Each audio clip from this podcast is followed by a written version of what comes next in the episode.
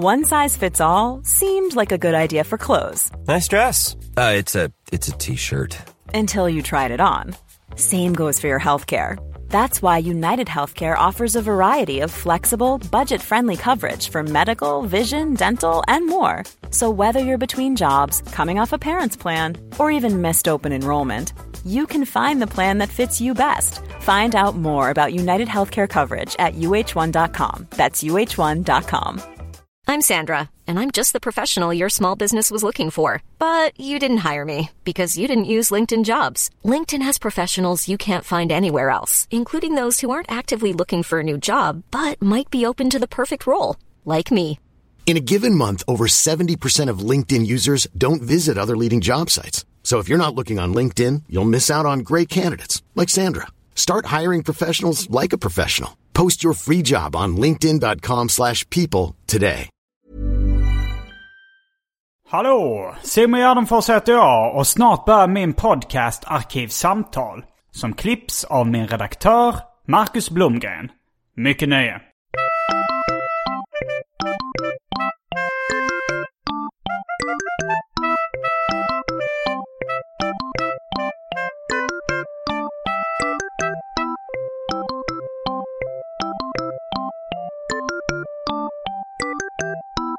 Hej och välkomna till Arkivsamtal. Jag heter Simon Gärdenfors och mitt emot mig sitter eh, Martin Sonneby. Hej Simon. Just nu sa att du hade någonting rött på tummen. Jag har tejpat tummen.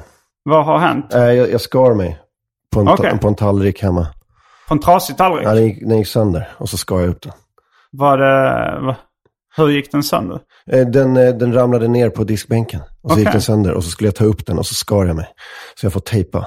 Okej, ja för det, den var, det var med rött tejp. För det, först tänkte jag oj, har, har det blödit igenom att den har blivit helt röd? Är sen vit gasbinda som är helt genom, genomsoaked. Nej, det är röd tejp. Mm. Det är sån eh, eh, för eh, om man ska linda sånt. Det är skitbra. Det är som gasbinda fast elastisk och fästande. Så det är inte tejp, men den fäster ändå. Mm. Helt sjukt cool. Vettflex tror jag den heter. Coolt. Ja. Du är lite raspig i rösten idag efter väldigt mycket poddande, eller är det det det beror på? Jag Okej, vet inte, jag brukar tappa rösten en gång om året. Det kanske är dags nu. det kanske är någon virus eller bakterie. Uh, någonting. Eh, Det, jag är inte sjuk sådär, utan det bara, det bara Mm. blir så. Och sen, eh, så det kanske, det började igår. Eh, och så har jag, så har jag kört uh, AMK morgon. Och Du är en av de som poddar mest i, i världen. Tror du det? Kanske, ja i Sverige i alla fall. Vi pratade i morse om att Marcus Tapper har problem. Ja, han, Eh, men, han- men han, du har hållit på längre än vad han har med poddar. Ja, det kanske jag har. Eh, det blir snart tio år. Men han eh, håller ju på med Clubhouse nu va? Mm. Så att det är bara, inte bara hans dagliga poddar som han trycker ut hela tiden. Nej. Nu har, nu har han börjat med, Clubhouse. Så jag bara, du har, vi måste, det kanske, är det här ett missbruk, Marcus?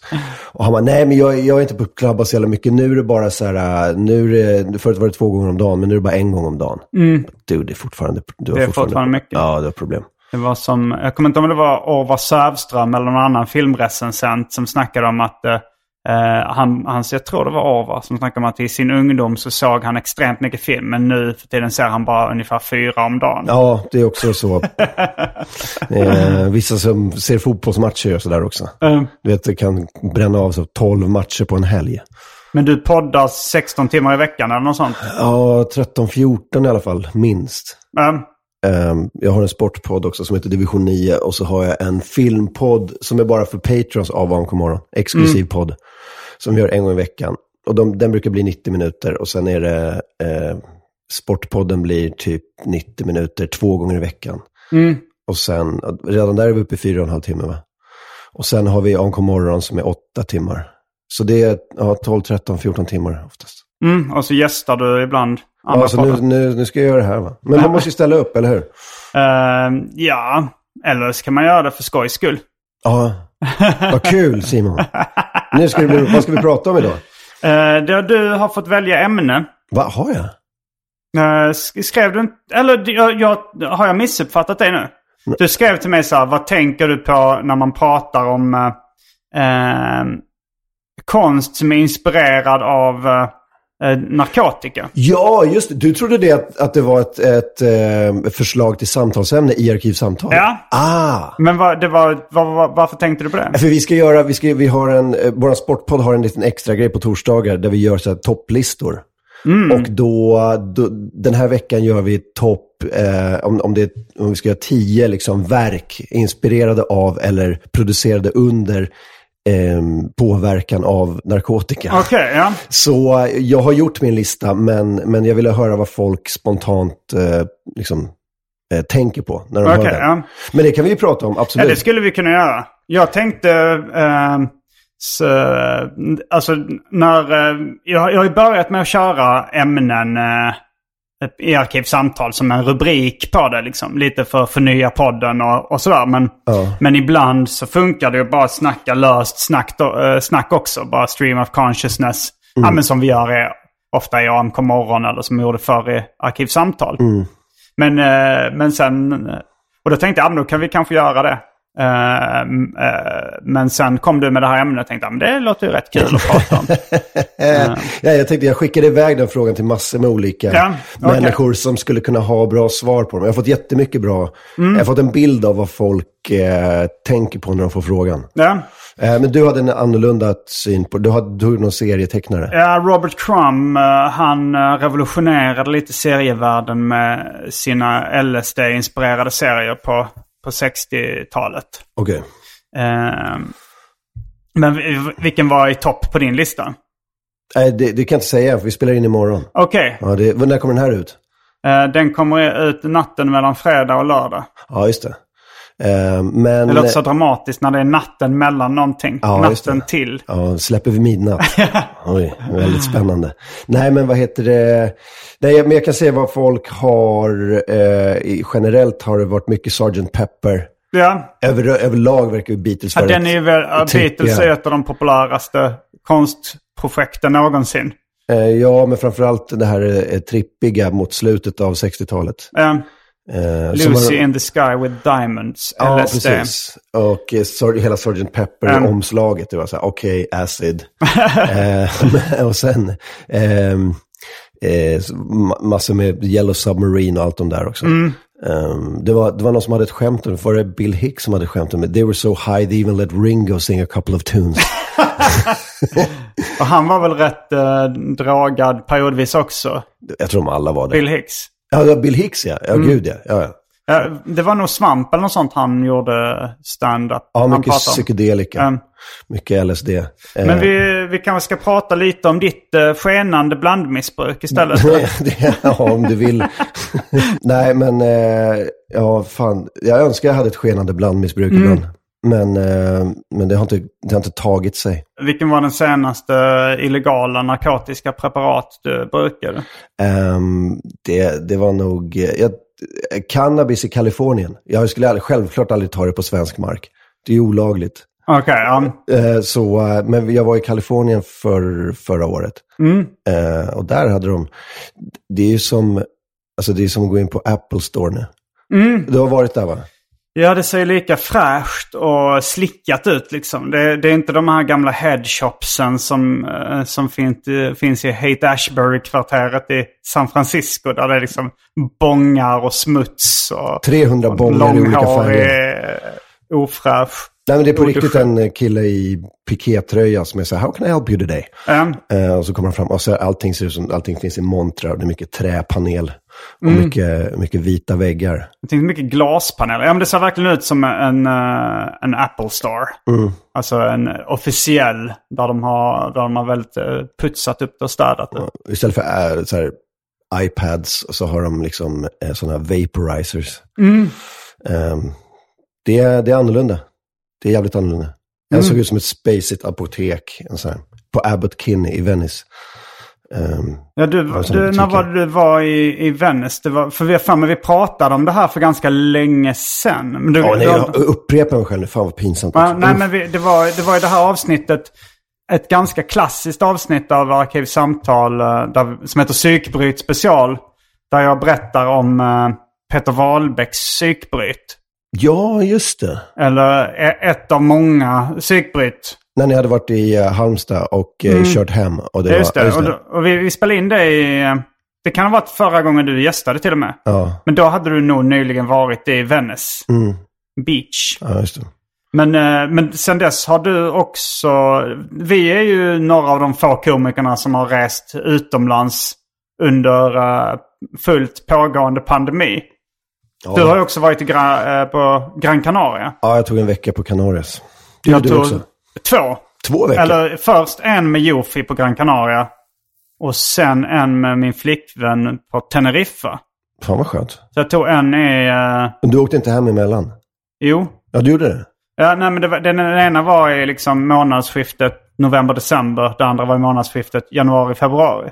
Just det. Du hörde av dig till mig och frågade, är det nice där du är? Ja. Och jag sa, kom inte ner hit nu. det hade ingen bra vibb för, mellan mig och min tjej då. Nej. Om du kommer ner Det, och flyttar in i rummet bredvid. det förstår jag. Men det hade kunnat bli en, en sitcom eller en risig komediupplägg. Ja, visst. Det finns säkert någon sån risig komedi. Knasiga grannen. Ja, men jag tänker någon, någon åker på bröllopssemester. Eh, en polare hänger med och åker till samma ställe. Eh, Brudgummen är lite taktlös. Så han bara, är det lugnt om min kompis hänger med? Det här var skitfett. Eller att han, eh, att han misstolkar eh, brudgummen så här, eh, ja, helst inte. Så, ja, men helst. Då, är, det- då får jag ändå. alltså, eh, jag, jag har inte sett någon sån här film, men jag för mig att det finns någon så här... eh, det, en... Until Mark does part eller något sånt. heter det. Okej, ja. Något liknande. Nej, det, det, jag vet inte om det handlar om det. Men Var det nice då? Ja, båda resorna var, var väldigt, eh, väldigt nice. Ehm, min flickvän har nog lite mer eh, av en ADHD-liknande personlighet än Jofi. Så vi, vi rörde oss i stort sett eh, inte under semestern med Jofi. Då var det nästan bara gå ner till poolen, öppna en öl, ligga och läsa, snacka lite. Sitta i lägenheten, podda, öppna en öl. Åka taxi till någon närliggande bar. Dricka en öl.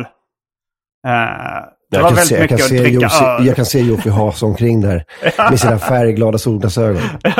Fan vad nice. Och eh, med Andrea så, så var det mer att gå omkring hela tiden. Vilket jag tyckte också var kul. Ja. Byta hotell, åka till någon ny stad. Eh, göra grejer.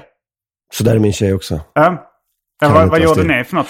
Eh, vi, nej, alltså vi, vi chillade ganska mycket, men det var mycket så, eh, vi måste iväg, så tog långa, så här, gick längs stränder och sånt där och eh, kollade in olika ställen i och närom, närområdet. Eh, drog till nästa stad och gick på någon så här beach club, hängde där, drog tillbaka. Det var my, mycket mer rörelse än om jag hade varit där själv. Eller varit där med Jofi. Jag, eh, jag såg på Instagram story så skrev du så här. eh, vad heter den här uh, musikgenren som låter som techno där det är en helikopter i luften? Ja, tugga, Då får man också upp en bild av dig och din tjej på Gran Canaria. Nej, det var inte så mycket sånt på Gran Canaria. Men vi har varit i Berlin eh, på, ehm, eh, på helgtrippar. Men här nu under pandemin också? Nej, det, jag tror att den sista var väl för, i, i, var det i våras? Nej, fan, jag minns inte sist det var. Men, ehm, men det, när vi går på klubbar där så är det en eh, musikstil som jag bara, fan vad fett det här är. Som är mycket fetare än alla andra. Är det den som kallas techno? Det är den som kallas psytrance. Det var psytrance du, du var ute efter? Ja. Eh, Och det var folk som var så här, jag, jag har, jag, det enda jag visste, eller det enda jag kunde läsa ut var en arg helikopter. och jag visste direkt vad du pratade om. det är psytrance, det är svinfet musik. Ja, alltså då är det psychedelic det står för antar jag. Ja, jag gissar det. Ehm, Psychological. Jag var eh, med två kompisar, eh, säger man i Goa eller på Goa i Indien? Jag tror i. I Goa. Ja, Jag tror det. ja jo det säger man nog. Det är en stad, det är inte en ö. Ja. Eh, men men det, det här var nog, det var länge sedan. Det kan vara ett 06, något sånt. 05 kanske. Och då kändes det som att den här Goa trans, eh, det började dö ut liksom. Det, var, man gick, det fanns fortfarande sådana här uh, technoställen som spelar Goa trans och de stod där. Men, men det var lite halvtomt. Eh, det kändes lite deppigt. Jag uppskattar inte musiken jättemycket heller. Är det någon annan stil? Jag vet inte, vad- jag känner inte till dem där. Men är Goa Trance en speciell stil? Jag vet inte om det är en sorts psytrance. Jag, jag, jag är inte så bevandrad inom techno faktiskt. Nej. Eller trance music. Men du, men du uppskattade eh, Alltså när man, när man väl är där, det är inte så att jag lyssnar på det i Nej. lurarna eh, hemma sådär. Men, Men är man väl på, är det, är det rätt omständigheter, då, om man ska ha en viss sorts EDM, då är det nog den som jag gillar bäst. Ja, men jag har en viss på mig själv electronic dance music. Mm. Ja, när jag, jag kommer på mig själv med att stå på dansgolv och så här, skrika in i min tjejs öra bara, jag gillar när det låter som en helikopter. Nej, men jag, har, jag tycker, alltså de gånger jag har tagit eh, droger, alltså så här ecstasy eller något sånt och varit på en, en technoklubb. Då har det ju varit eh, rätt kul. Sådär, men, men samtidigt så känner jag att då hade ju vad som helst varit kul, rätt kul. Alltså så här, då hade jag kunnat ligga under ett köksbord och titta upp i, i ådringen i träet. Och haft ungefär lika kul. Och jag menar, hade det varit musik jag verkligen hade gillat, någon bra hiphop eller sådär, så hade jag nog förmodligen äh, tyckt det var ännu bättre. Dra Eh, med fotsulorna på, på heltäckningsmattan och bara, åh, här är kanon. Eh, jo, det är sant. Det är väl, eh, men det är väl någon sorts stil det där som är, eh, som är förenlig med, med hela klubbgrejen. Jo, men det är väl också om man vill, liksom, om man vill dansa med jättemycket folk. Eh, så, så finns det kanske inte så mycket andra Nej. musikgenrer. I inte det. Sverige i alla fall. Som, eh, jag, för tillfället, var, varken liksom pandemi eller inte, så är jag inte jättesugen på att dansa med jättemycket folk omkring mig. Eh, men det har det aldrig varit va? Eller? Kanske när jag var, när jag var tonåring. Ja. Eh, sen, sen, dog, sen, sen var det väl så här att eh, jag uppträdde mycket som rappare på olika ställen. Då hamnar man ju mycket på klubbar och då, Mm. då kunde det väl vara rätt kul att och liksom festa lite där också. Men det var, det var länge sedan jag stod i en kö och betalade ett inträde för frivilligt dansa med jättemycket folk. Ja, jag tror de dagarna är över för mig också faktiskt. Eh, s- eh, Sist jag var i Berlin så var det så här, det, det här var för jobbigt. Jag tror inte jag orkar mer. jag tror inte att det kommer bli något mer. Eh, så eh, kanske någon, så här, du vet, något snabbt besök eller någonting. Men, men inte en sån hel helg. Det Men du gjorde det för mycket liksom. Nej, inte mycket, men det var några gånger man, Mm. man tog och det var så här väldigt mycket sena nätter, väldigt mycket så bara, men det, det tär för mycket nu alltså. Jag orkar inte längre. Men Så, um, men eh, man får hitta på annat att göra. Ja. Fan, vilket jävla ålderstecken ändå. Ja, men man behöver ju inte heller jobba emot alla ålderstecken. Nej, Alltså men det... det- är lite, det är någonting med att så här, äh, fan det där är inte för mig längre. Det är, det är, för, det är för jobbigt. Ja, men det är väl bara att, att acceptera det. Att man, eh, att, alltså så här, det, det, alternativet är ju dumt. Att om man tänker så här, nej jag, jag tänker inte acceptera att jag tycker det är tråkigt att gå på klubb längre. Så man ska pressa sig dit liksom. Tills man bryter Var ryggen. The old guy at the club som Chris Rock uttryckte det. Nej, det är inte bra Eh, heller. Men han, det- han berättar ju om då liksom varför, varför det var bra att stadga sig och, eh, och ha en fast partner. Så. Mm. Because nobody wants to be the old guy at the club. Nej, det är sant. Det är sant. Men det, på något sätt känns det helt lugnt när jag är där med min tjej. Då är det Ja, ingen ja, fara. det är en annan sak. Det är, men eh, det, det är mest att här, man får betala för det så jävla hårt dagen efter. Alltså fysiskt. Ja. Snackar du om bakfylla och... Nej, bara, det är bara att kroppen gör ont. Du vet, man står Man har och sträckt går. sig. Ja. Bara, du vet, och så har man ont i liksom, knäna och ryggen. Det är, det, är, det är för mycket alltså. Hur jag, gammal, hur gammal är du nu för tiden? jag, är, för, jag är 44. 44? Ja. Jag, ehm, jag knuffar på 43. Mm. Men jag har ju märkt av det här liksom eh, att Alltså jag, jag har alltid varit ganska stel av mig. För att jag, jag vet inte om jag har... Alltså jag är ju ganska kort och kompakt sådär. Så att liksom eh, mina muskler är nog inte så långa och smidiga och böjliga liksom. Jag kommer ihåg redan på skolgymnastiken när man var liten eller på dagis och sådär. Att alla skulle sitta i skräddarställning på gympasalsgolvet liksom. Och jag, jag fattar inte hur folk bara kunde sitta helt avslappnat så. Jag satt, jag satt ju där men det var extremt obekvämt. Eh, men, men det har ju inte heller blivit bättre eh, med åldern direkt. Att det så här, nu tycker jag det är rätt jobbigt att bara knyta skorna. Ja men alltså jag, jag, jag, jag knyter aldrig skorna längre bara rent på golvet. Utan jag måste hitta någon form av trappa eller liksom pall eller någonting att ställa upp det för. För du upp foten då, eller sätter du dig ner? Nej, jag, jag kör upp foten. Ah, okej. ja. Eh, Så att, jag kan, så att den kommer närmare handen. Liksom. Att, att böja sig hela vägen ner till golvet nästan. Mm. Det, de dagarna är förbi. Mina, mina Berlin 72 timmars fester, de är över. Och dina knyta skor-dagar är också över. Låta skorna utan pall Ja, det är det. eller trappa. Nej, nej, nej. nej, nej. Det var sånt. eh, Det måste jag ta ecstasy för att kunna göra.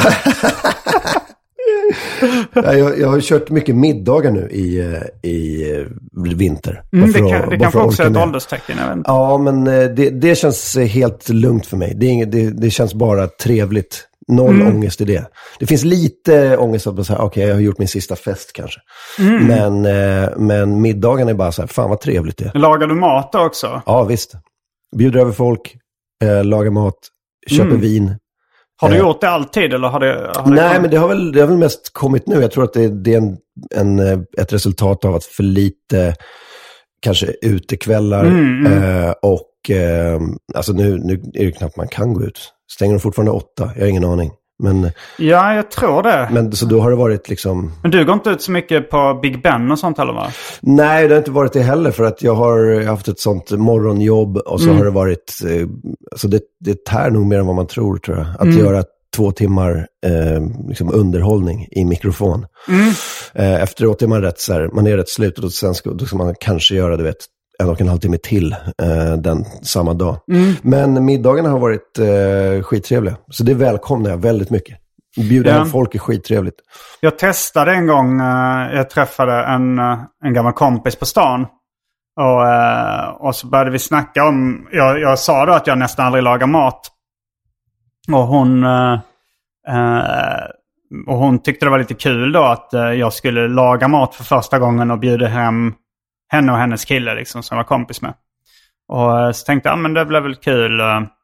Och så blev det liksom fyra pers, parmiddag-style. Men sen, sen smög sig informationen på då att hon skulle ta med sig sina tre barn. What the fuck? Så vi blev sju pers här hemma. Och det var, ganska, det var ganska jobbigt att för första gången på 11 år laga mat och då till sju pers. Ja, men eh, var inte det, dök, inte, dök det upp lite så senare, lite längre fram i... Ja, nej men eh, hon sa väl så här, eh, ja men eh, så här, för jag, jag hade blivit bjuden, bjuden på middag hemma hos dem. Betydligt fler gånger än, än vad jag har bjudit tillbaka så att säga. Ah. Så att det var väl så här, eh, ja men eh, kan inte vi komma förbi på middag? Ah, och, det här vi, hon menar vi familjen. Mm. Ah. och du, hade, du bara tänkte, vi är ju vi är två. de två vuxna. Ja. Aj, aj, aj. Fel kommunikation. Ja, men men det, det, var ju, det var ju trevligt i alla fall sådär. Men jag, och jag, men jag som var så ovan med att laga mat. Eh, det tog sån tid för mig. Och så plus att jag tänkte, vad ska jag göra? Ja. Och så min första idé var att göra lite så här.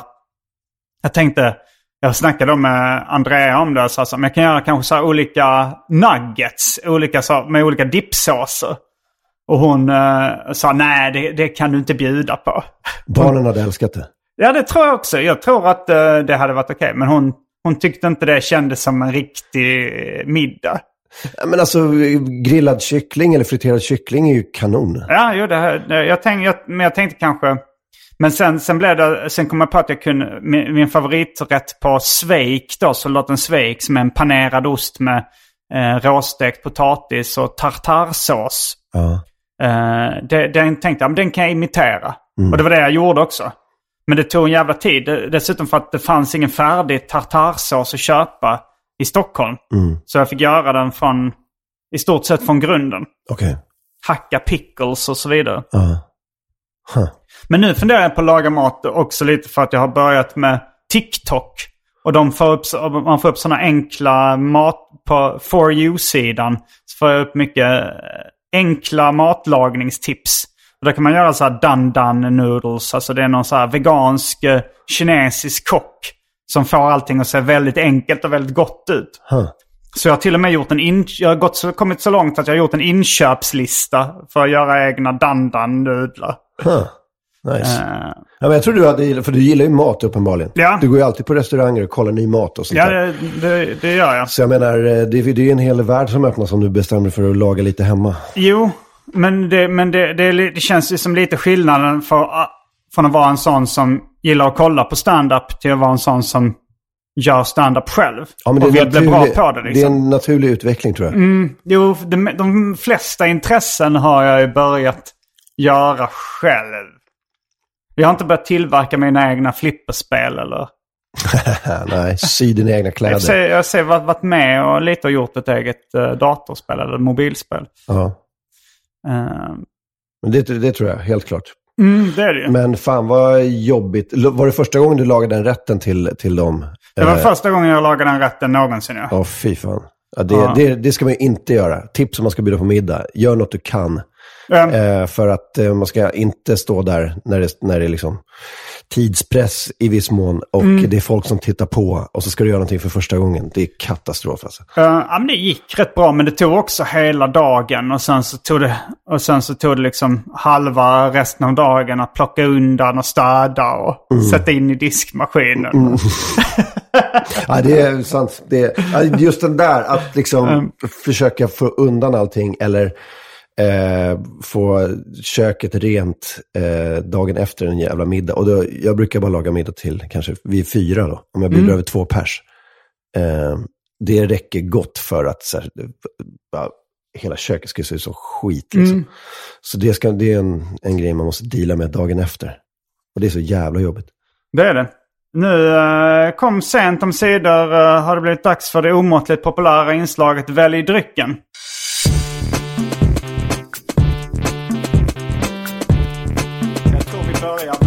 Fasta inslaget Välj drycken! Och du har just tagit upp ett av alternativen i handeln. Jag som är- fingrar på en eh, flaska whisky. här. Mm, japansk whisky, Nicka whisky from the barrel. Den eh, drack jag lite av igår. Eh, här kommer resten av alternativen. Ysub, det vill säga Busy baklänges. Herbal Lemon Zen Drink. Det är någon som har skickat den till mig. Låter nice. Eh, ananasjuice, eh, mer passion, sockerfri, Snapple, gin och tonic, Fanta Zero, Lagunitas Daytime IPA, hostmedicin av två olika smaker, Amarula Cream, Bacardi Rom, Pabst Blue Ribbon, Bullet Bourbon, Passoa, Grand Marnier, Absolut Vodka, Organic Vodka, Jock Tranbärsjuice, Pina Colada, Lemonad, eh, Blossa Glögg, Hawaii Gay Club, Hierbas Morey, 28%. Häxblandningen, det vill säga alla drycker som fanns i min kyl innan ni genomgick så kallad corporate rebranding. Och för tråkmånsar och nejsägare, vatten. Oj, oj, oj. Ja, men jag tror den här första där som jag gillade, Herbal Lemon eller någonting. Ja, Ehm, Zen Drink. är, är den på burk? Alltså, är på burk, ja. Som en sån, är den kolsyrad typ? Jag tror den är kolsyrad. Eh, Jag, jag tror jag prövar den. Kan, Mm. man, kan man ta lite hostmedicin också? För jag tror jag behöver det. Ja visst, det, det kan du ta också. Vill du ha märket Svarta Skägget eller Recipekt? Jag vill ha det starkaste. Ja, då, det kan vara att det bara finns en smak kvar. Men, Men jag tar, jag, jag tar den och sen tar jag den här Herbal Lemon som en, eh, Ja. som en, eh, eh, En zen drink. Det låter som det, du kommer bli eh, på topp. Eh, jag eh, kom på det här inslaget för att jag var så himla törstig. Och eh, när jag är törstig så vill jag nog helst dricka Fanta Mm. Zero apelsin. Ja, men då är vi strax tillbaka med dryckerna kända från det omåttligt populära inslaget Välj drycken. Häng med!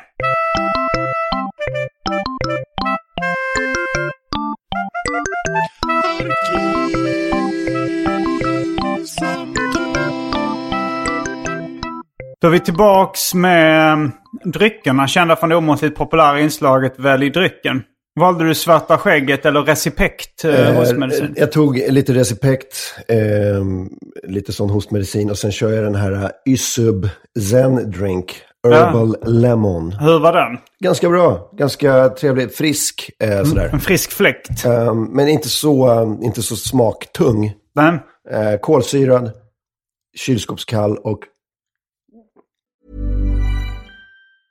Ready to pop the question? The jewelers at BlueNile.com have got sparkle down to a science with beautiful lab grown diamonds worthy of your most brilliant moments. Their lab grown diamonds are independently graded and guaranteed identical to natural diamonds, and they're ready to ship to your door. Go to BlueNile.com and use promo code LISTEN to get $50 off your purchase of $500 or more. That's code LISTEN at BlueNile.com for $50 off. BlueNile.com code LISTEN. I'm Sandra, and I'm just the professional your small business was looking for. But you didn't hire me because you didn't use LinkedIn jobs. LinkedIn has professionals you can't find anywhere else, including those who aren't actively looking for a new job but might be open to the perfect role, like me. In a given month, over 70% of LinkedIn users don't visit other leading job sites. So if you're not looking on LinkedIn, you'll miss out on great candidates like Sandra. Start hiring professionals like a professional. Post your free job on linkedin.com/people slash people today. Millions of people have lost weight with personalized plans from Noom, like Evan, who can't stand salads and still lost 50 pounds. Salads, generally, for most people, are the easy button, right? For me, that wasn't an option. I never really was a salad guy. That's just not who I am. But Noom worked for me. Get your personalized plan today at Noom.com. Real Noom user compensated to provide their story. In four weeks, the typical Noom user can expect to lose one to two pounds per week. Individual results may vary. Den är ganska trevlig. Lätt, lätt, flyktig smak av citron.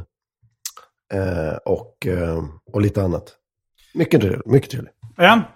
Det har börjat, ehm, folk har börjat skicka lite dryck. Eh, eller det har de gjort en längre tid. Men nu känns det som att min kyl är lite övermättad. Jag tror att du Eh, borde... Du borde rensa. Du borde rensa lite i listan. Kanske ha åtta stycken eller någonting. Nu Ja. känns det som du hade 30. Ja, det känns som man är på en indisk restaurang där de har 240 rätter på menyn. Kan jag få en 187 och en 65? Jag undrar vad det, varför det har blivit så. Eh, att, De tror att eh, de säljer mer tror jag. Om de har så här. Vi har, vi har ett jättestort urval. Vi, då kommer vi sälja ännu mer. det är som Hobbex-katalogen. Ja. Eh, Men får du mycket äh, sponsprylar skickade till dig till AMK? ehm, nej, inte skitmycket. Det har hänt. Men, eh, men inte skitmycket. Men Um, eh, men framförallt är de så jävla snåla. Jag har, för jag har ju sagt liksom att eh, om ni vill sponsra så har vi liksom, då går det jättebra. Men då gör vi typ en, en veckokampanj eller någonting. ja, Men det är folk som eh, hör av sig du vet, och skickar. Det var någon så här som skickade kalsonger till mig. Och jag bara så här, skulle du kunna tänka dig att snacka lite om de här? Och så skickar de ett par kalsonger. ja, Man är så här, dude, du försöker, köp, köp, försöker köpa mig för eh, vadå, produktionskostnad av vad det är, 40 kronor. ja, Vad kostar ett par kalsonger att producera liksom? Säg att om du tar 250 kronor för dem. Kostar, kan inte kosta mer än 40-50 spänn att producera. nej. Så du försöker köpa liksom lite, lite tid för inte ens det i pengar, utan det i produktion. Eh, det är så jävla snålt. Ja. Men hade de skickat 50 par till mig, Men samtidigt så skickar de det till en, de skickar det så att de tar ju ändå risken att du inte pratar om det också. Eh, ja, det, det kan de ju göra. För jag tycker det, jag har fått grejer så här, jag fick någon klocka eh, skickad till mig och så, och så skick, skrev de på Instagram sen att eh, ja vi skickar den här klockan till dig, hoppas du gillar om den. Eh, eh, du får gärna eh, skriva om den på, Nämna här på. Instagram. Nej, Nämna den. Ja. Det skrev jag. eh, eh, det kommer jag inte göra, men tack så mycket för klockan. Ja, men det är väl en, alltså man får väl räkna med det då. ja, det får Eh, göra. Men, eh, och det är väl säkert fine för dem. Men jag Mm. menar, tror inte, jag vet inte. Det är nästan som att de förväntar sig lite att man ska snacka om det. Man bara, mm, Det är inte, för, som att inte du, för här. du blir som en, en så här, ett barn som tar emot godiset av en pedofil och sen, jag tänker inte ställa upp på något sexuellt. Men tack för godiset, jag tar gärna emot godis. Ja, visst, jag Men så här, det kostar mer än så här. Några Dumlekoler. Se, ser så här billig ut. Vill du ha något gubbjävel? Du fan hosta upp.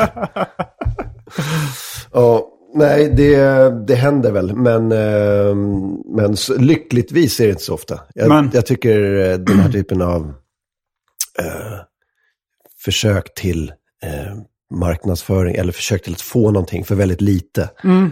Den är så jävla, uh, även, den, den bara känns snål liksom. Mm.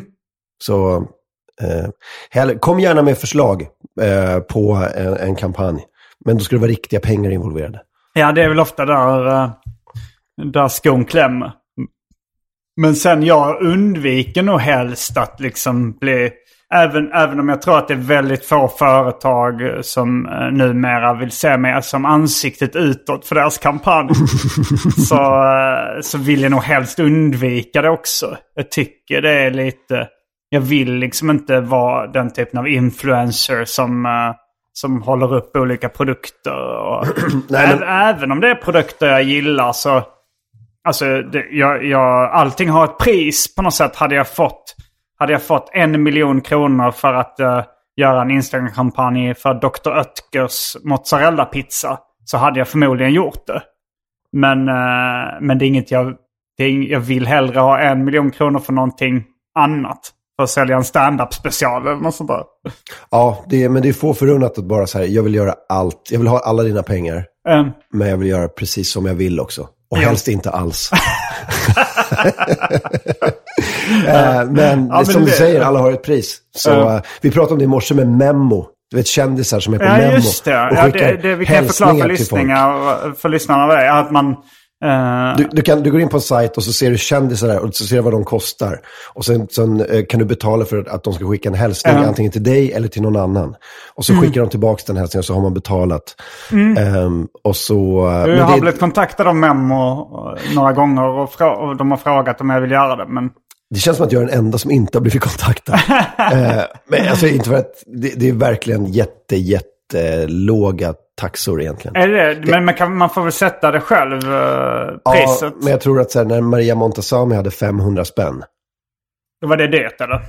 Eh, ja, det var, det var ju liksom den högre prisklassen. Mm, Eh, då tror jag att det äter mer av ens varumärke än vad det är värt att pengarna man får in. Ja, alltså det, jag hade inte heller klarat av, alltså för att... eh, om, för 500 spänn då hade det kanske liksom tidsmässigt var värt att göra det ibland. Eh, men jag, jag, har- jag klarar inte av samvetet att en, en 15-åring i Borås betalar 500 spänn för en sån hälsning. Liksom. Mm, nej, det jag gjorde det grej också. gratis innan, men nu, för, nu... Men sen blev det lite för mycket. Liksom att det var Mm. några i veckan som ville ha någon videohälsning till sin kompis som fyllde år. Så orkar jag inte göra det längre. Mm. Nej. Nej, jag får också någon, sorts- jag får någon sorts prestationsångest också när jag, Mm. när jag säger, eller, eller när någon ber om det där. Det har varit en del bröllop och sånt där. Mm, där du ska skicka hälsningar. Ja, precis. Brudgummen skulle vilja ha en hälsning. Och jag så här, ja, det skulle jag lätt kunna göra. Men Mm. det blir, så blir det så här, måste man ta om och säga, jag var inte nöjd med den där. Och så, så Mm. vet man att det sitter, du vet, 200 pers och käkar middag och ska titta på någon duk med någon eh, sån här projektor på. Jag vet inte, det bara känns, det bara tar emot lite. Eh, Och jag tror, jag tror det skulle tagit emot ännu mer om det hade blivit erbjuden pengar. Så Mm. eh, det känns väldigt, väldigt, det ska till väldigt, väldigt mycket pengar. Så mycket så att förmodligen ingen tycker att det är värt det. Vi kan inte mötas någonstans där. nej, jag satt och gjorde liksom... eh, jag gjorde reklamer i Arkivsamtal för uh, Bref WC. Det var en sån där uh, WC-block, du vet när man spolar i toaletten så, så luktar det fräscht och sådär. Och jag tyckte att det här var, det var en ganska... Det var en rolig produkt att göra reklam för. För att det kändes så sunkigt att när jag väl blev sponsrad i Arkivsamtal så är det för Bref WC. På något sätt tycker jag att det känns rätt. Ja, jo, det kändes rätt. Så jag tackade ja till det. Men det var också så här att jag, jag satt där och spelade in de där reklamerna och liksom redigerade dem, klippte, gjorde lite omtagningar. Och känslan kom ju ändå över mig att det här är egentligen inte vad jag vill göra. Nej. Det här äter rätt mycket av min dag där jag hade kunnat skriva skämt eller göra någonting mer vettigt liksom. Och behöver jag verkligen pengarna liksom? Ja, det var... Ja, hur mycket pengar är det som ska ge rättfärdigare liksom? Ja, jag kommer inte ihåg hur mycket det var där. Det kanske var 40 papp jag fick för ett gäng annonser. Men... Jag tror att de är nöjda över att du, du, du eh, säger exakt vad du tog. Nej. inte med. Nej, egentligen inte. Nej, det tror jag inte. Jag har ju skrivit på ett avtal Men också. man kan inte gå runt och vara nöjd hela tiden. Hörru, gått omkring och vara nöjd. Nej, det, Gått omkring och tro att vi har ett avtal här. Som vi båda har skrivit under. det, jag minns inte. Jag minns inte vad jag skrev. Jag tror risken är rätt liten att, eh, att de kommer viftandes med ett avtalskontraktsbrott. Eller vad man säger. Nej, det, Kontraktsbrott heter det. nej. Men var de nöjda då? Eller eh, skedde det någonting? Eh, det nej, men jag tror så- de var rätt nöjda faktiskt. Ja. För det är lite brand awareness va? Alltså det är inte så att du har så ett... Eh, de har inte någon så här, gå till den här sajten och beställ dina WC-block. Nej. Utan det är mera, om du ser det här i affären så kan jag säga att det här är en produkt som jag ställer mig bakom. Ja, eh, ja, men så är det ju rätt mycket med varumärken. Att, eh, att eh, när, när man, man tror ju att Ariel är ett bättre tvättmedel än Sploy. Bara för att man känner igen det ena. Ja, och de syns i lite glittrigare sammanhang och sånt där. Ja, Alltså de är, de har, de har kanske snyggare reklam, de är snyggare brandade. Eh, så, så absolut. Men frå- frågan är hur, hur man mäter sånt där. Alltså hur mäter man att man har fått tillbaka sina 40 lax? det är jag nog jättesvårt. Ja, men, men de kan ju, alltså ifall eh, jag praktiserat på en reklambyrå eh, när jag var 19 typ. Mm. Och de gör väl så att de, eh, att de, de gör någon form av reklamkampanj. Men då kanske det, det är lite större grepp. Att jag gissar att det är så här. Eh, Okej, den här eh, hösten så, eh, så ska vi eh, göra sådana här riktad reklam till eh, poddlyssnare. Och, och så har de ett koncept då. Och sen så ser de väl så här.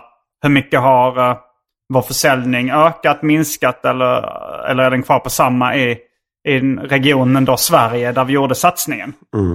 Och så får de väl, om det inte har hänt något annat som liksom en pandemi eller någonting som påverkar försäljningen så, så går det ju att mäta så här. Okej, vi gjorde den här kampanjen och försäljningen ökade med 10 procent. Ja, men frågan är vad, vad, om dina 40 lax, om de, har, om de har fått tillbaka just dem. Ja, det, det är nog svårt att mäta exakt så. Det tror jag. Eh, det, det är nog mer så här. Vi, vi kontaktade tio poddare som gick med på den här summan. eh, och som har ungefär den här reachen i, i, i sin podd. Eller vad de använder för uttryck nu för tiden. Ja.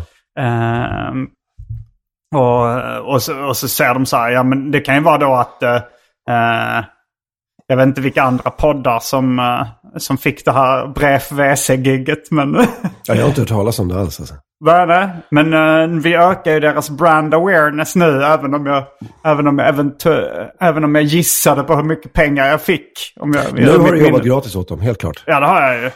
Och jag, jag hoppar gärna in och jobbar gratis. Jag kan säga Bref WC är det bästa om du vill få din toalett blå och fräsch.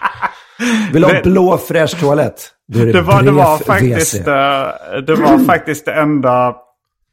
De hade, eh, när jag skickade in mina små korta reklamsnuttar, så var det enda de hade att säga det var att eh, eh, varumärket uttalas Breff. Eh, du säger Bref WC. Ah. Aj då. Aj, aj, aj. Och, och de kanske bara vill att jag ska säga Breff och inte, bre, inte Breff WC. Det stod i och för sig på förpackningen och jag fick hem några, några men, eh, men det, tyvärr var det för att när jag spelade upp reklamfilmerna för Anton Magnusson och han gapskrattade. Och och jag tror att det var just Bref WC som blev någon form av funny word. Att eh, Ah. jag uttalade så. Men reklamkampanjerna gick ut på... eh, eh, ja, men en, ett exempel var så att eh, Albin Olsson var gäst i min podd då, Arkivsamtal. Eh, och så sa jag till honom så här. eh, du, eh, jag är ju ganska irriterande ibland.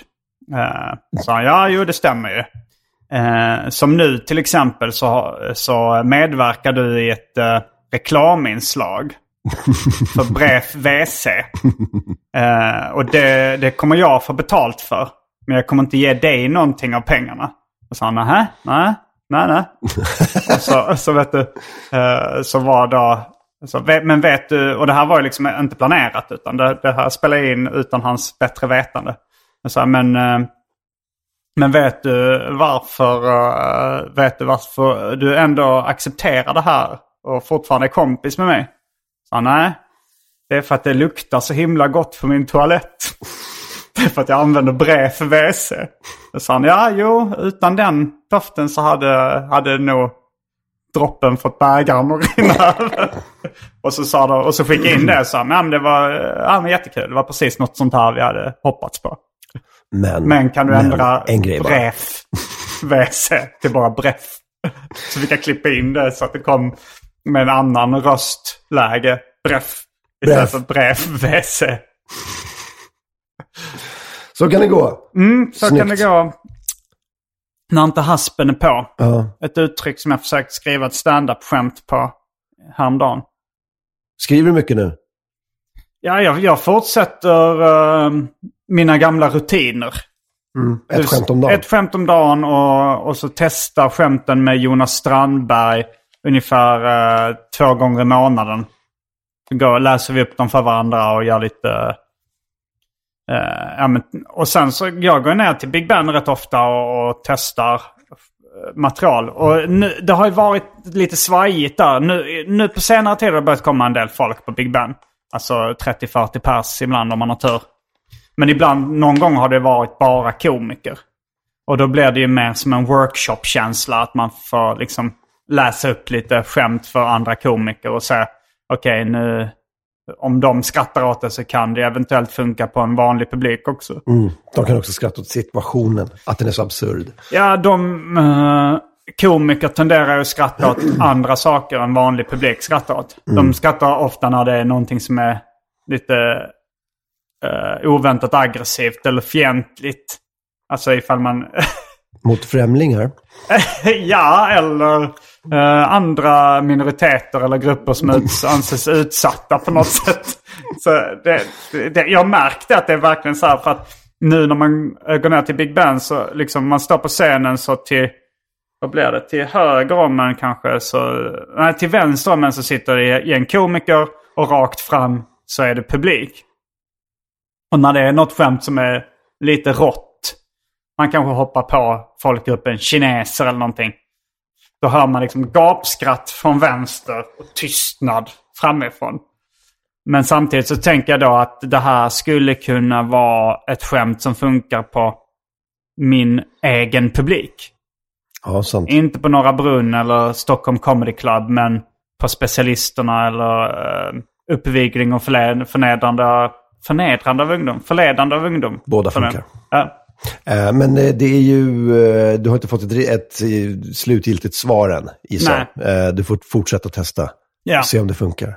Men jag hade någon sån där, alltså jag, jag har en sån story bara, jag kanske har dragit den förut, men jag var på Norra Brunn, Mm. stod bakom baren och Fredrik Andersson stå, står på scen. Mm. Och jag, Micke Koppelman, står bakom baren.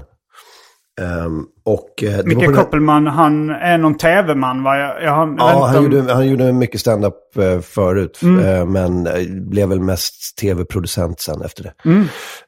Men han, det var på den här tiden det var T9. Du vet, T9 på telefonen. Ja, just det. Mm. Så det blev liksom ord när man skrev in så här på Det var den tidens autocorrect. Ja, precis. Och det kunde ändra till olika ord beroende på vilket ord man skulle skriva. Så.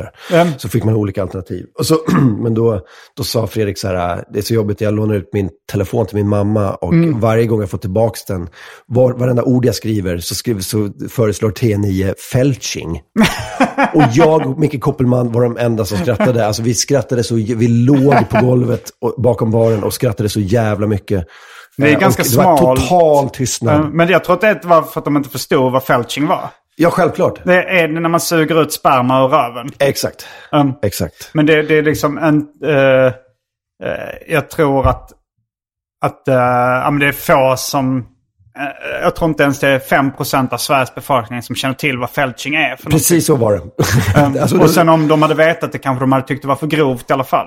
Det var, och, det, och grejen att skämtet kräver ju någon sån här felching eller något på den grovhetsnivån för att det ska liksom funka. Ja, för fast jag det- tror nog att de, eh, den vanliga Norra Brunn-publiken hade skrattat om det var... eh, Analsex. Ja, Ja. Men det är bara, det är ju inte roligt för en komiker att säga nej, det. nej. Det blir, så, det blir så platt bara. Eh, Så det, där har du något så exempel på när skämt liksom skämtet finns här. Och så försöker man möta publiken, men publiken kommer inte ända fram. Liksom. Nej. Men försöker man ännu mer liksom, att möta publiken så vattnar man ur det. Det blir svagare på något sätt. Ja, Så det är en omöjlig situation där på något sätt. Inte omöjlig, men en mycket svårare situation. ja, det är väldigt svårt. Och, och även om man har alla de här liksom, eh, variablerna rätt när man, har- när man håller på med skämt. Man säger okej det är en referens som alla förstår. Jag tycker det här är kul. Det är en tydlig setup punchline. Eh, jag levererar den på ett charmigt sätt.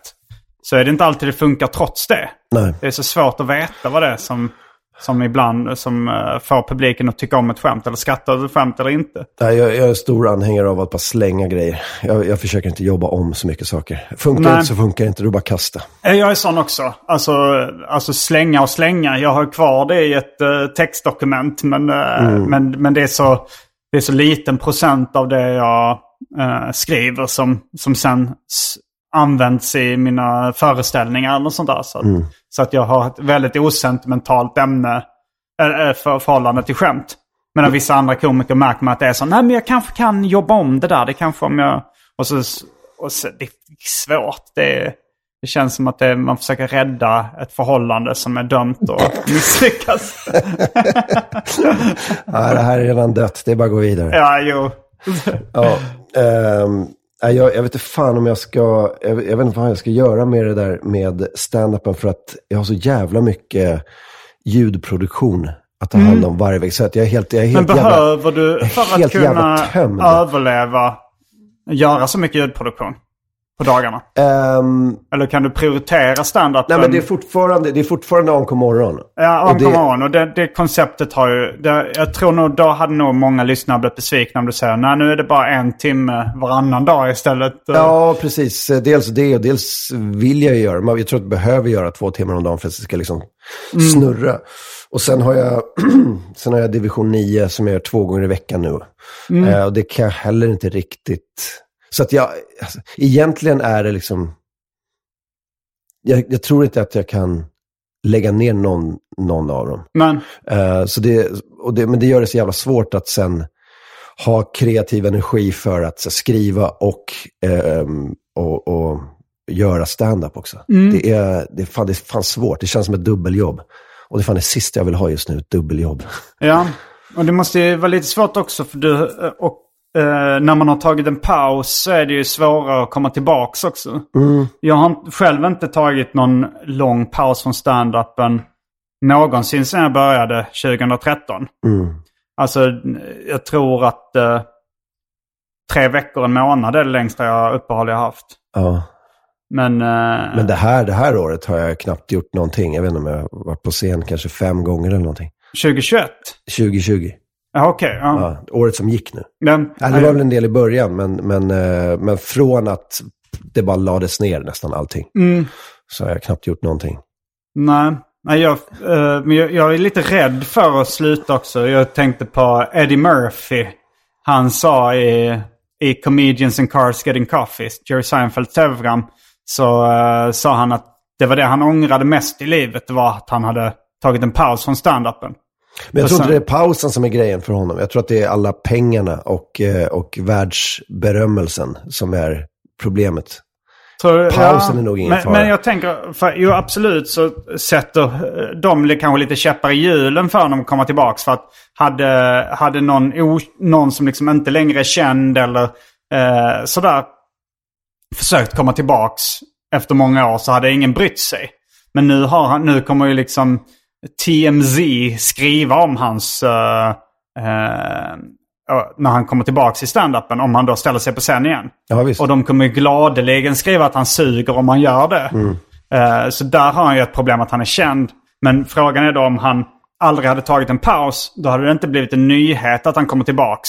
Då, om han bara hade harvat på som Bill Cosby gjorde. Nej, men för det, det, Jag fattar. han gjorde ju det fram tills han hamnade i finkan i stort sett. Ehm, men då, då dels så håller man ju ångan uppe att han, han är bra på stand-upen. Och det blir inte det här liksom ja, men prestationsångesten att komma tillbaks. Och det blir inte att media skriver om det och sådär. Nej, men jag tror också att... Ja. eh, alltså, för han har ju gjort saker, han har gjort bra saker. Han, Mm. gjorde ju filmer så här, genom, genom alla år sånt där. Han har gjort bra saker efter, alltså på senare tid också. Jag tyckte Så han han, inte- han spelade inte han har i Dolomite, den filmen, har du sett den? Ja, visst. Den var ju bra. Så han har, han har inte förlorat sitt, liksom, eh, han har inte förlorat humorn. Nej. Eh, men jag tror att den här eh, grejen att börja om, eh, att han lägger så jävla mycket liksom, press på det, det måste vara så jävla bra. För Mm. att han slutar ju med Raw typ. Gjorde Ja, det? jo, ja, det är frågan om han, jag- jag om han körde. För han körde ju Delirious och sen Raw. Mm. Och, och grejen är att han måste varit jävligt ung när han gjorde Delirious. Alltså för att han var... 23 tror jag, eller 22. Ja, och han kan ju inte... Så han var 20, kan ha varit 28 eller någonting. När han gjorde... Raw. Raw. Aha. Eh, nej men för, han eh, måste ju... För, för det är mycket snack om det att hur lång tid det tar att bli bra på, på stand-up. Men han måste ju varit eh, ett undantag då. För om han inte började när han var 10 så kan han ju inte ha hållit på så Nej, nej, jättelänge. men jag tror han började när han var 15. Okej. Så, han hade ändå gjort 7-8 år. Ja, okej. Och Och då kan man ju bli ett, bra ett på. världsunikum Ja, jo. på många sätt. Så att... Eh, ehm, men eh, jag, jag, tror att det var, jag tror att det är berömmelsen som var hans problem. Ja. Alla miljonerna. Sen gjorde han ju bara filmer för att kunna upprätthålla sin livsstil också, vilket också är helt sjukt. Men alla de där uh, fat suit-filmerna. Ja, du tror att... ja, jag, jag har inte sett alla dem, men... Uh, uh, vad hette de nu? Uh, Dr. Dolittle? Nej? Ja, Doktor någonting i alla fall. Det var också bara så, jag behöver 30 miljoner dollar om året för att upprätthålla min fabulösa livsstil. så så man, han gjorde nästan vad som helst. Det är en för att, lyxfälla. ja, men riktigt så. Och, så, eh, och under de premisserna kan man ju inte göra stand-up heller. Ja, det beror på. Alltså, eh, hade, han, hade han gjort sådana feta världsturnéer. eh, då hade han ju kunnat göra... Då hade han ju kunnat, jag, jag vet i och för sig inte om, eh, om feta stand-up världsturnéer ger lika mycket pengar som stora Hollywoodfilmer. Det tror jag inte, nej. Nej, kanske inte. nej. Eh, det, det blir så svårt när man, tänker, när man tänker på någon som liksom fyller Globen och liknande. Sånt där. Oj, man tänker så att de, de kanske tjänar 3 miljoner kronor per kväll. Men eh, det är ju ännu konstigare att tänka då att och det är för lite. Mm, ja, precis. Så jag har hundra sådana för att ens ska komma upp där. Och sen har du produktionskostnader. Nej, fy fan. Nej, ehm, jag tror man måste vara lite som lite så, man måste vara jävligt hungrig och så måste man vara jävligt så, eh, ehm, ha något typ av långsiktigt tänk. För att bli bra på standup. Nej, men för att ens eh, fundera på att göra, som, som i hans situation nu. Att komma tillbaka till standup Ja. måste man vara hungrig och ha ett långsiktigt tänkande. Ja, men jag tror det. Men jag tänker, eh, eller att bara harva på. För att alltså så här, om man tänker George Carlin eller någon sån komiker som körde in till döden i stort sett. De, de hade nog aldrig det problemet eftersom de aldrig slutade heller. Att de bara körde liksom. Det var så här, ja, nu är det en ny dag. Då går de ner till något café och skriver lite skämt och sen går ner till någon klubb i New York och kör på kvällen. Och sen är det jobba fram en ny timme.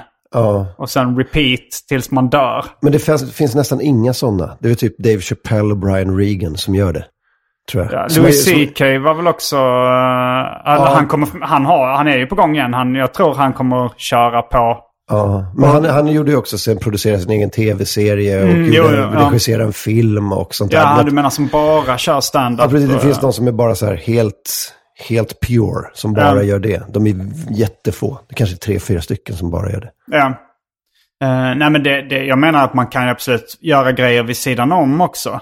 Men bara det här som att, att aldrig sluta. Jag läste liksom eh, om Chris Rock. Så var det någon som berättade att de, de gjorde, de spelade in en ny film med, med honom eh, i New York.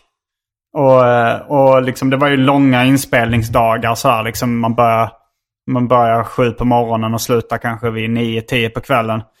Och sen sa de att Chris Rock han gick ändå alltid ner till den lokala klubben och, och tränade på stand-up. Han gick ner där, I, måste, I gotta work out. Och så gick han liksom ner och, och körde stand-up trots, ja men det är så här, ja, istället för att och, eh, göra morgongymnastik så gick han ner och gjorde lite kvälls-stand-up varje kväll. Han sa också att någonting i stil med att han köpte ett hus han inte hade råd med. Jaha, Det var incitament för honom att eh, göra ännu fler gigs. Ja, det är en sån amerikansk inställning som jag läst om också. eh, Harvey Kurtzman som skapade MAD. Han hade då också en inställning att, de, att han, han tänkte om jag, om jag liksom köper det här dyra huset och har så här mycket lån som jag betal, måste betala varje månad. Då tvingas jag jobba hårdare. Ja. Vilket jag tycker är en extremt stressande tanke. Jag hade inte velat... Jag gillar inte den heller. Alltså. Fan. Att man blir liksom, då blir man på något sätt slav till någonting. Ja, men då, då blir det ju så att man...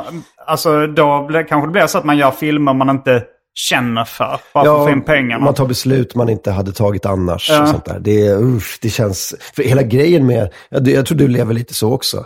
Alltså vi, man, eh, man gör precis vad man vill och sen lägger man sin livsstil efter, efter de pengarna man får in Ja. eh, av, av det arbetet man lägger ner. Mm. Men man kompromissar fan inte med liksom med, slitet ord, men integritet eller du vet, lust.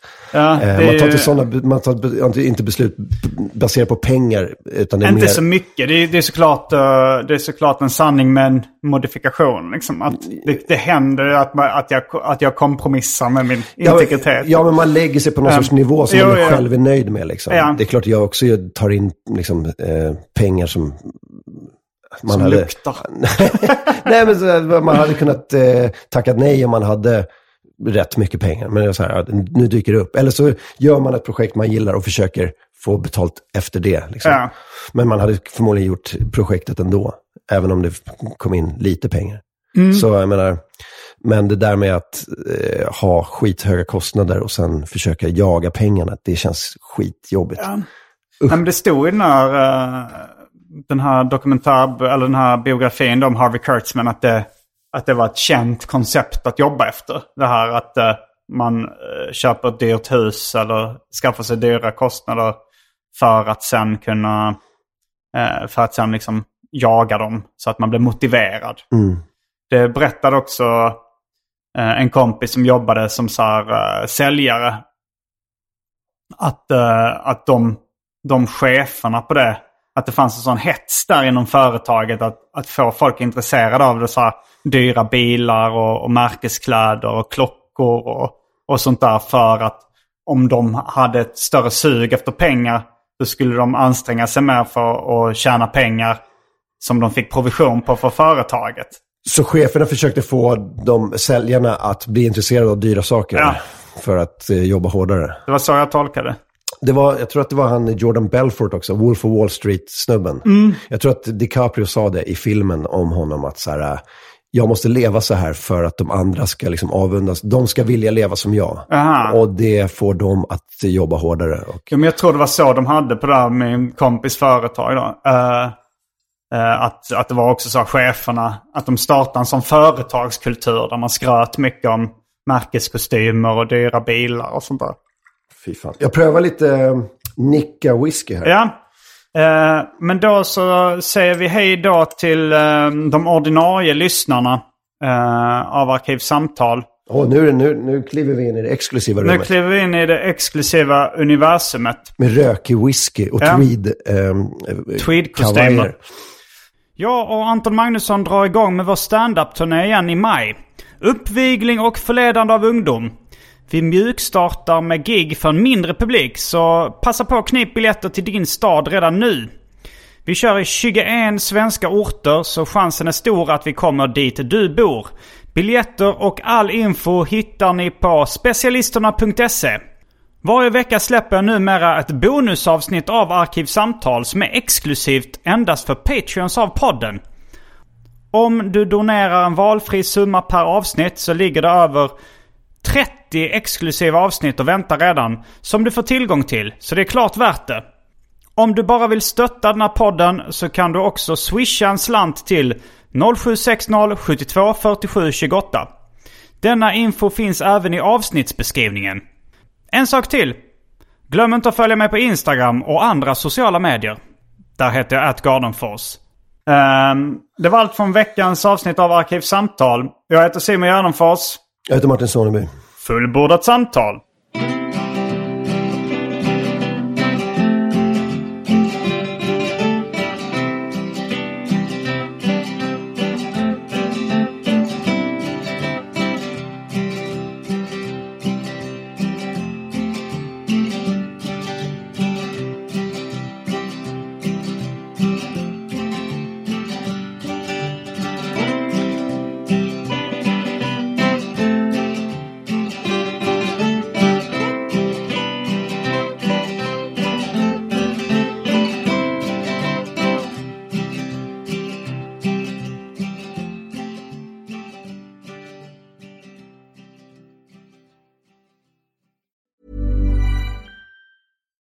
Deserves the best, and there's no better place to shop for Mother's Day than Whole Foods Market. They're your destination for unbeatable savings, from premium gifts to show-stopping flowers and irresistible desserts. Start by saving 33% with Prime on all body care and candles. Then get a 15-stem bunch of tulips for just $9.99 each with Prime. Round out Mom's menu with festive rosé, irresistible berry chantilly cake, and more special treats. Come celebrate Mother's Day at Whole Foods Market. Hey, it's Paige DeSorbo from Giggly Squad. High quality fashion without the price tag. Say hello to Quince. I'm snagging high-end essentials like cozy cashmere sweaters, sleek leather jackets, fine jewelry, and so much more. With Quince being 50 to 80% less than similar brands. And they partner with factories that prioritize safe, ethical, and responsible manufacturing. I love that. Luxury quality within reach. Go to quince.com slash style to get free shipping and 365 day returns on your next order. Quince.com slash style.